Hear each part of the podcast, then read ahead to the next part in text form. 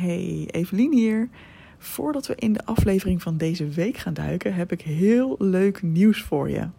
Ik ga namelijk een gloednieuwe online training geven die helemaal gaat over hoe je perfectionisme in je werk kunt loslaten. Je kunt je gratis aanmelden via doelgerichtecoaching.nl/slash werk. En hij is op zaterdag 6 maart van 10 tot ongeveer 12. Herken je in een van de volgende dingen, dan is het misschien wel hartstikke leuk voor jou om hierbij te zijn. Um, dus heb je wel eens het idee dat anderen veel beter zijn in het werk dan jij, waardoor jij een beetje in je schulp kruipt en niet echt lekker shined? Of heb je het idee dat je geen fouten mag maken, dat je alles altijd in één keer goed moet doen, zelfs als je aan nieuwe dingen begint? Het kan ook zijn dat je het heel lastig vindt om om hulp te vragen, omdat je het idee hebt dat je alles zelf moet kunnen, waardoor je eigenlijk veel langer dan nodig in een bepaalde taak blijft hangen. Of misschien blijf je wel veel te lang hangen omdat je het idee hebt dat je iets helemaal tot in de puntjes perfect moet doen en kost dat je heel veel energie. En tenslotte kan het ook nog zo zijn dat jij juist grote belangrijke dingen uitstelt omdat je nog niet helemaal precies weet wat er van je verwacht wordt. En omdat je bang bent dat het nog niet goed genoeg zal zijn als je daaraan begint. En dat dit je heel veel stress oplevert. Nou, herken je je in een van deze dingen?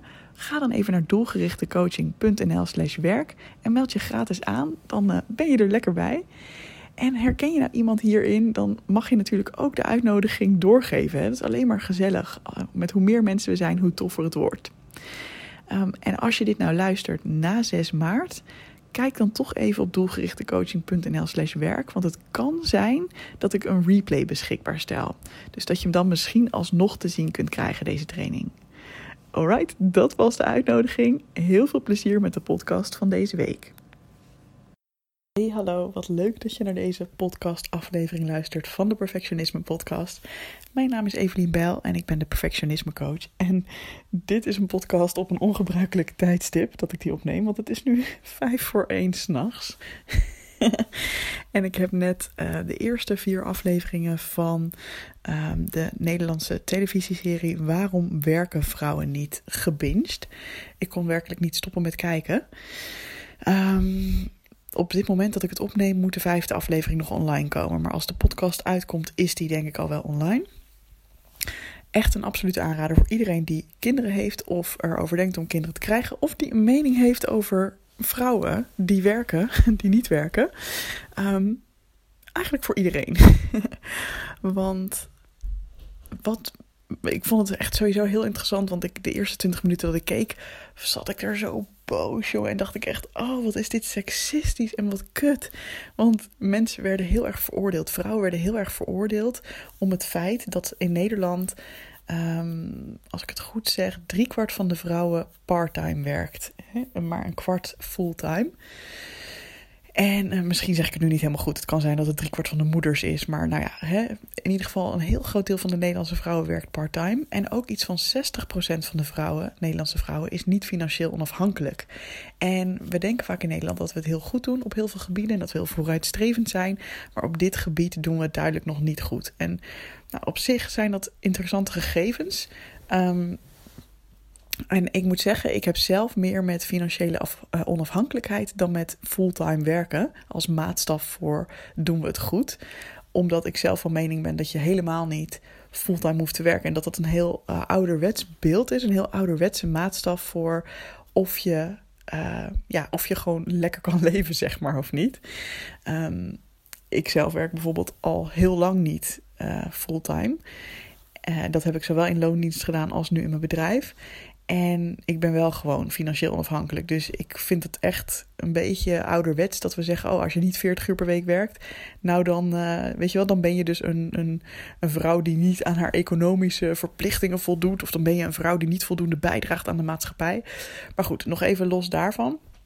Vond ik het heel interessant. En die eerste 20 minuten waren dus heel ongemakkelijk voor mij om te kijken. Omdat daarin ook Sander Schimmelpenning aan het woord was. Ik weet niet eens wat die man zijn functie is. Volgens mij is het een journalist of zo. En uh, van de quote 500 geloof ik ook. En nou jongen, de bak oordelen die hij over parttime werkende vrouwen uitstortte. Het zou decadent zijn en uh, weet je wel, het zou uh, egoïstisch zijn. En ja, dan hebben we Nederlandse vrouwen hebben super veel geld in geïnvesteerd in de opleiding en dan gaan ze parttime werken. En, uh, En ik werd er zo naar van. Dat ik echt dacht: what the fuck, waar heeft deze man het over? Ehm, en wat ik wel heel fijn vond, is dat in de rest van de eerste aflevering en ook in de aflevering daarna werd ook onderzocht van ja, maar waarom is dit nou zo? Want je kan er wel heel makkelijk een oordeel op plakken, maar waar komt dit verschil vandaan? En um, ja, wat blijkt, als je het ook vergelijkt met bijvoorbeeld onze buurlanden.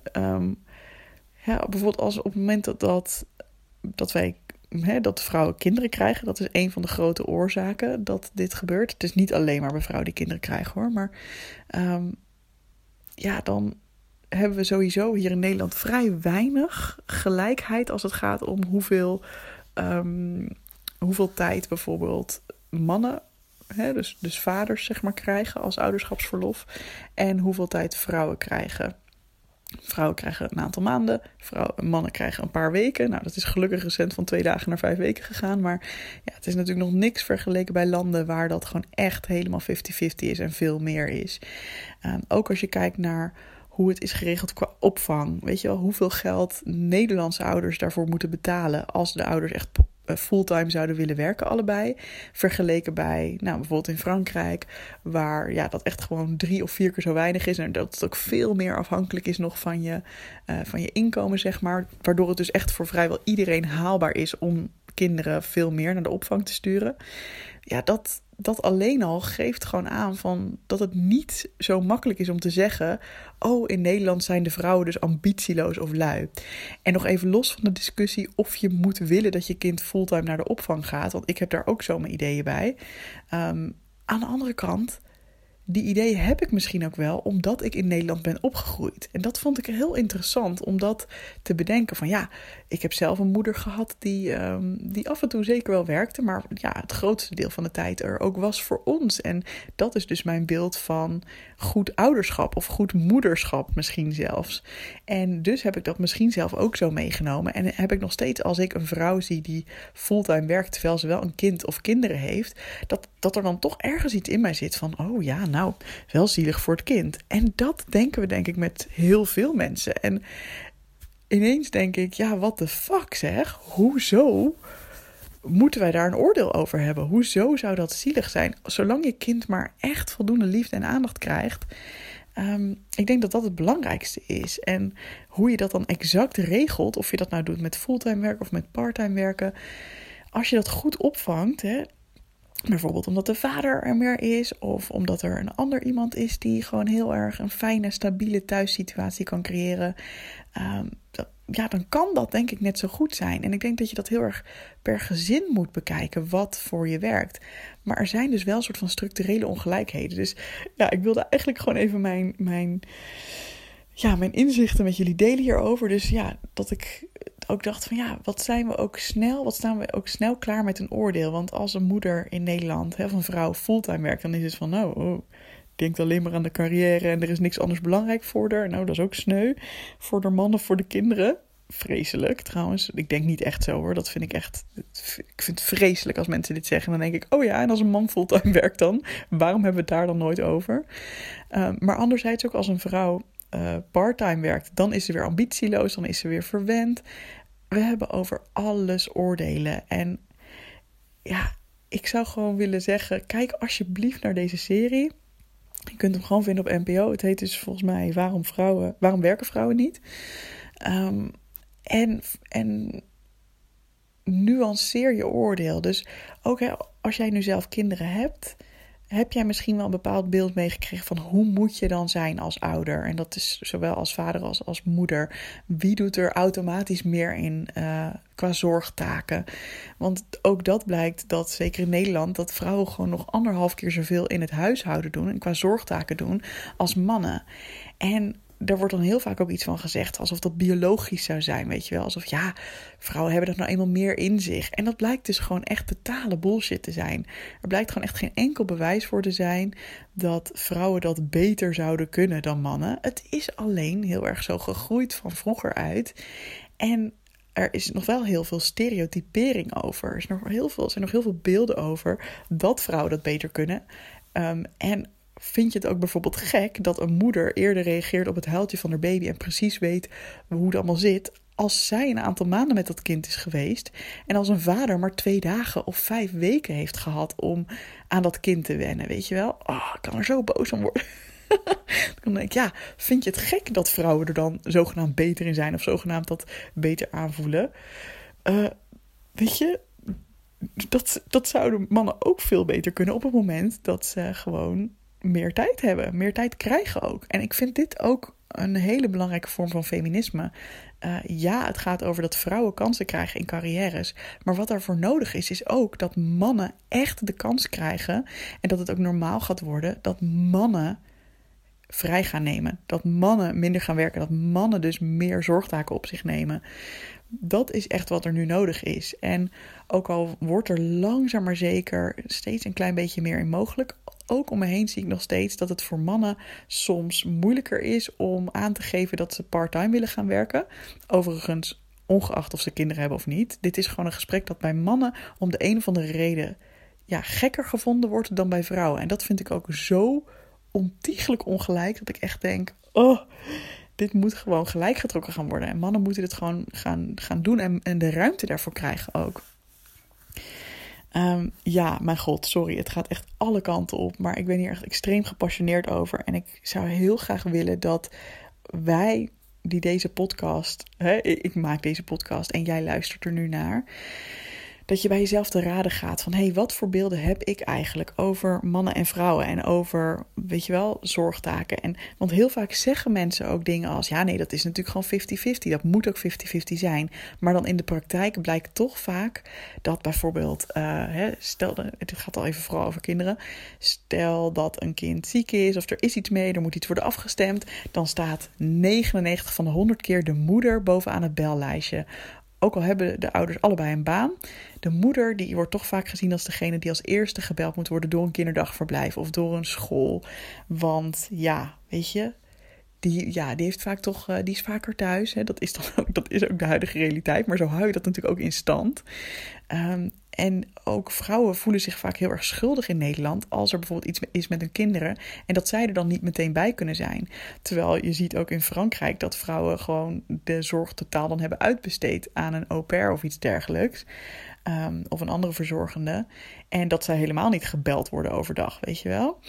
Uh, nogmaals, ik zeg niet dat dat dus de enige way to go is, maar dat schuldgevoel dat is wel heel erg ook iets wat hier in Nederland is. Gewoon ook vanuit, denk ik, heel erg dat beeld van ja, maar vrouwen moeten dat allemaal kunnen en vrouwen uh, kunnen het gewoon niet goed doen. En ik heb het ook echt zoveel gezien in mijn coachpraktijk, jongen, dat uh, ja, de jonge moeders, zeg maar, het zo graag allemaal goed willen doen. En dan Uh, bijvoorbeeld, stel ze werken dan al vier dagen, dat is dan vaak de situatie, dat ze dan voelen van ja, eigenlijk is het nog steeds niet genoeg. Als je gewoon kijkt naar de ondersteuning die er is vanuit partner, ook al doet hij echt zijn best, vanuit um, uh, kinderopvang, vanuit weet je wel, wat er allemaal uh, aan steun om ons heen is.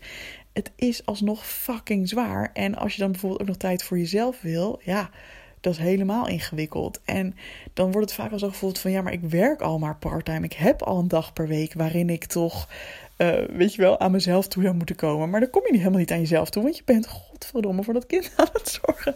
Oh, excuus. Ik weet dat er nu christelijke mensen zijn die luisteren en die dit vreselijk vinden. Um, dit vloept er wel eens uit, mensen. Je hoeft me er niet over te mailen, ik weet het. Uh, ja, kan gebeuren. Dit is hoe ik ben. Als ik on fire ben. Um, ja, laten we dit veranderen. Laten we dit veranderen. En weet je, wat voor positie jij ook hebt, wat voor baan jij ook doet, wat voor ambities jij ook hebt, denk hier eens heel kritisch over na. Kijk alsjeblieft die serie.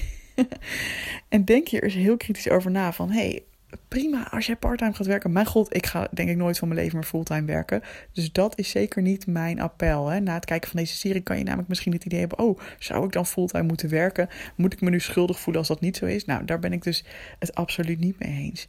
Maar denk wel over na van... Hè, het is dus vaak de default dat je als vrouw meer doet in de zorgtaken. Dat je het idee hebt dat je dat ook beter kan... Ehm, dat jouw ambities misschien dan toch, ja, ook al zeggen we dat het net zo belangrijk is, ja, ja, ja, dat jij toch wel de betere verzorger bent. luister alsjeblieft heel goed naar jezelf. Wat wil jij echt? En hoe zou jij het echt graag willen? En ik zie ook echt vrienden waarbij het gewoon 50-50 is. En uh, waarbij dat ook echt wel flink veel gesprekken heeft, voor, flink veel gesprekken nodig had om daar te komen. En dat een vriendin van mij ook echt zei van ja, ik heb heel bewust de taak gedelegeerd van um, een kinderdagverblijf zoeken voor ons kind. En van contactpersoon zijn met dat kinderdagverblijf aan mijn vriend. En dat ging niet allemaal helemaal vlekkeloos. Um, maar ze, ze zegt: Ik bewust, ik ga op mijn handen zitten en ik laat het aan hem. En het gaat misschien niet precies zoals ik het zelf zou, uh, zou regelen. Uh, niet snel genoeg, of weet je wel, niet op de manier zoals ik het zou doen. Maar ik laat het bij hem, want we hebben afgesproken dat dat zijn taak is. En ja, dat is gewoon ik kan het er niet bij hebben om me dan ook nog daarom druk te gaan maken. En ik vind dat super knap dat ze dat doet. En ik denk dat we daar wel een voorbeeld aan, uh, aan kunnen nemen. Um, en ook, weet je, dit gaat dus over jouzelf en jouw positie. Ook overigens als je geen kinderen wilt of kunt krijgen, of als je dat nog helemaal niet wil. Beschouw dit dan misschien als een soort van wake-up call van: hey, hoe kijk je naar andere vrouwen? Hoe kijk je naar mensen die parttime werken? Wat voor oordelen heb jij misschien? Of ook mensen die fulltime werken. Daar zit nog voor mij wel een oordeel waar ik aan kan werken. Want um, ja, dat is ook maar alleen maar omdat ik dit zo gewend ben, weet je wel. Dat, dat, dat je een ouder hebt en eigenlijk gewoon een moeder hebt die er dan maar altijd voor je is. Maar ja, is dat de enige manier? Dat is ook alleen maar wat wij gewend zijn, weet je wel. Dus laten we anders kijken naar onszelf. Laten we anders kijken naar andere vrouwen met name. En ook mannen, hè, hoe die de zorgtaken op zich pakken. En als je in een positie komt waar jij uh, mensen kunt aannemen. Als je in een positie komt waar je iets te zeggen hebt over verdeling uh, van taken of iets dergelijks neem het alsjeblieft mee. Want dit zijn dus mede de factoren waardoor vrouwen gewoon vaak ook een loonkloof oplopen en minder carrière kunnen maken. En dat weet je, als je geen carrière wil maken, is dat ook helemaal niet belangrijk. Maar het is heel jammer als je bij wijze van spreken overgeslagen wordt. Zo van ja, ja, jij krijgt toch uiteindelijk kinderen. Of ja, jij werkt parttime. Of weet je wel. Ik geloof namelijk ook, en dat is dan het laatste punt dat ik hierover zal maken Um, wat ik ook heel ziek vond, is dat er ook in die serie werd, aan het begin werd gezegd van, ja, vrouwen aan de top gaan zich steeds mannelijker gedragen. En um, um, ja, vanaf het moment, meisjes doen het eigenlijk in de studie hartstikke goed. Er studeren inmiddels ook meer vrouwen dan mannen. Maar vanaf het moment dat ze gaan werken, is het meteen, uh, nog voordat ze moeder zijn ook trouwens, um, is het meteen zo dat Nederlandse vrouwen veel vaker parttime gaan werken. Dus daar gaat het al meteen mis. En dan denk ik, ja, en waarom is dit zo? Waarom gaan vrouwen zich anders gedragen als ze aan de top van het bedrijf zijn? Waarom is het zo dat veel vrouwen met name, met name parttime gaan werken? En ik voel, in ieder geval aan mijzelf, want dat is mijn ervaring, dat de manier waarop wij nu onze organisaties hebben ingericht en onze politiek misschien ook wel en uh, de top van bedrijven helemaal, dat is een extreem masculine manier. En dat is van hard werken en doorgaan en ploeteren en niet zeiken. En er komt steeds meer aandacht voor het menselijke, denk ik. Uh, maar alsnog is dit heel erg. Is dit heel erg de insteek? En is het ook heel erg van ja, hè, niet overal gelukkig hoor, maar als je niet fulltime kan werken, ja, wat draag je dan eigenlijk bij? Weet je wel? Daarmee werd ook eigenlijk die documentaire heel erg geopend. En, en dat is zo'n zieke manier van kijken naar mensen. Alsof wij alleen maar werkwaarden zijn. Alsof wij alleen maar gemaakt zijn om als machines te produceren. En het is ooit door mensen verzonnen dat fulltime goed zou zijn. Dat je van 9 tot 5, van maandag tot vrijdag zou moeten werken, minimaal. Uh, dat is ook alleen maar bedacht in een soort van industriële uh, revolutietijd. Van hè, dat mensen in, in fabrieken gingen werken. Daarvoor werkte het ook helemaal niet zo. En ik zeg echt niet dat het daarvoor beter was. Uh, maar god, laten we alsjeblieft niet teruggaan. Maar weet je, het is gewoon man-made. Het is gewoon bedacht. En ik denk dat dat gevoel van hoe je in een organisatie moet zijn, hoe jij je stand moet houden om ook naar die top te komen of om het te redden, dat dat maakt dat heel veel mensen en ook heel veel vrouwen het niet aantrekkelijk vinden. En ook denken, weet je wat, fuck dat systeem, ik ga wel gewoon mijn eigen weg. En dan inderdaad misschien maar een dag minder werken, want het is gewoon pittig wat er vaak gevraagd wordt. En dan moet het nog weer met minder mensen, en dan moet het nog weer efficiënter. En mijn god, er is weinig tijd, er is weinig zorg, er is weinig aandacht. En ik weet dat ik nu extreem generaliseer. En ik weet dat er bedrijven zijn, organisaties zijn waar dat absoluut aan het veranderen is. Of waar het al vanaf het begin een andere insteek heeft. Maar ja, je kan niet alleen maar kijken naar vrouwen en zeggen: Oh, stelletje verwende prinsesjes, jullie willen niet fulltime werken. Nee, je zou kunnen vragen: waarom is het in godsnaam nodig dat we in een maatschappij leven waarin we alles zouden kunnen, nou niet alles, maar een heel groot deel van onze taken hoeven we niet meer handmatig te doen. En eigenlijk hoeven we helemaal niet fulltime te werken met z'n allen om gewoon te kunnen, hè, te kunnen leven en te kunnen, zelfs te kunnen groeien. En waarom is het dan nog steeds de norm dat je fulltime werkt? Waarom is dat nog steeds de maatstaf waartegen we onszelf um, afmeten? Waar langs we onszelf meten? Waarom gaat het om alleen maar om economisch gewin? Waarom is dat het allerbelangrijkste waar onze maatschappij om draait? Ik denk dat we inmiddels wel verder zijn dan dit en dat we, weet je, we zien inmiddels dat alleen maar groei en groei en meer en meer. Um, ja, dat het alleen maar draait om geld en alleen maar om meer produceren en alleen maar meer doen. Dat is precies wat onze wereld zo ziek maakt als die nu is. Dat is precies waarom de, het hele klimaat eraan gaat. Het is niet goed om alleen maar ongebreidelde groei te hebben. Je hebt ook rust nodig. Je hebt ook um, reflectie nodig. Je hebt ook momenten nodig van ja, oké, groei is goed als het gaat om je eigen ontwikkeling. Maar hebben we echt nog meer geld nodig? Hebben we nog meer winst nodig? Moeten we nog meer uren draaien? Moeten we nog, moeten we nog meer consumeren, nog meer produceren? Of is dat niet wat deze wereld nu nodig heeft? Ik voel dat dat niet is wat deze wereld nu nodig heeft. En ik denk dat veel vrouwen en veel mensen dat ook voelen.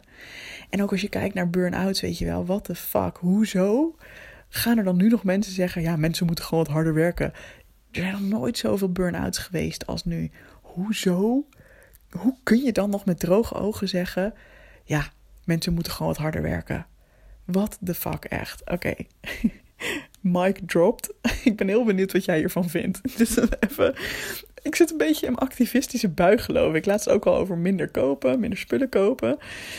Um, ja, weet je, dat is de content die nu in mij zit. Dus die komt er nu uit. En ik ben benieuwd uh, hoe jij hier naar kijkt. Heb ik je misschien een beetje aan het denken gezet? Misschien dacht je: holy shit, dit is een rant die all over the place gaat.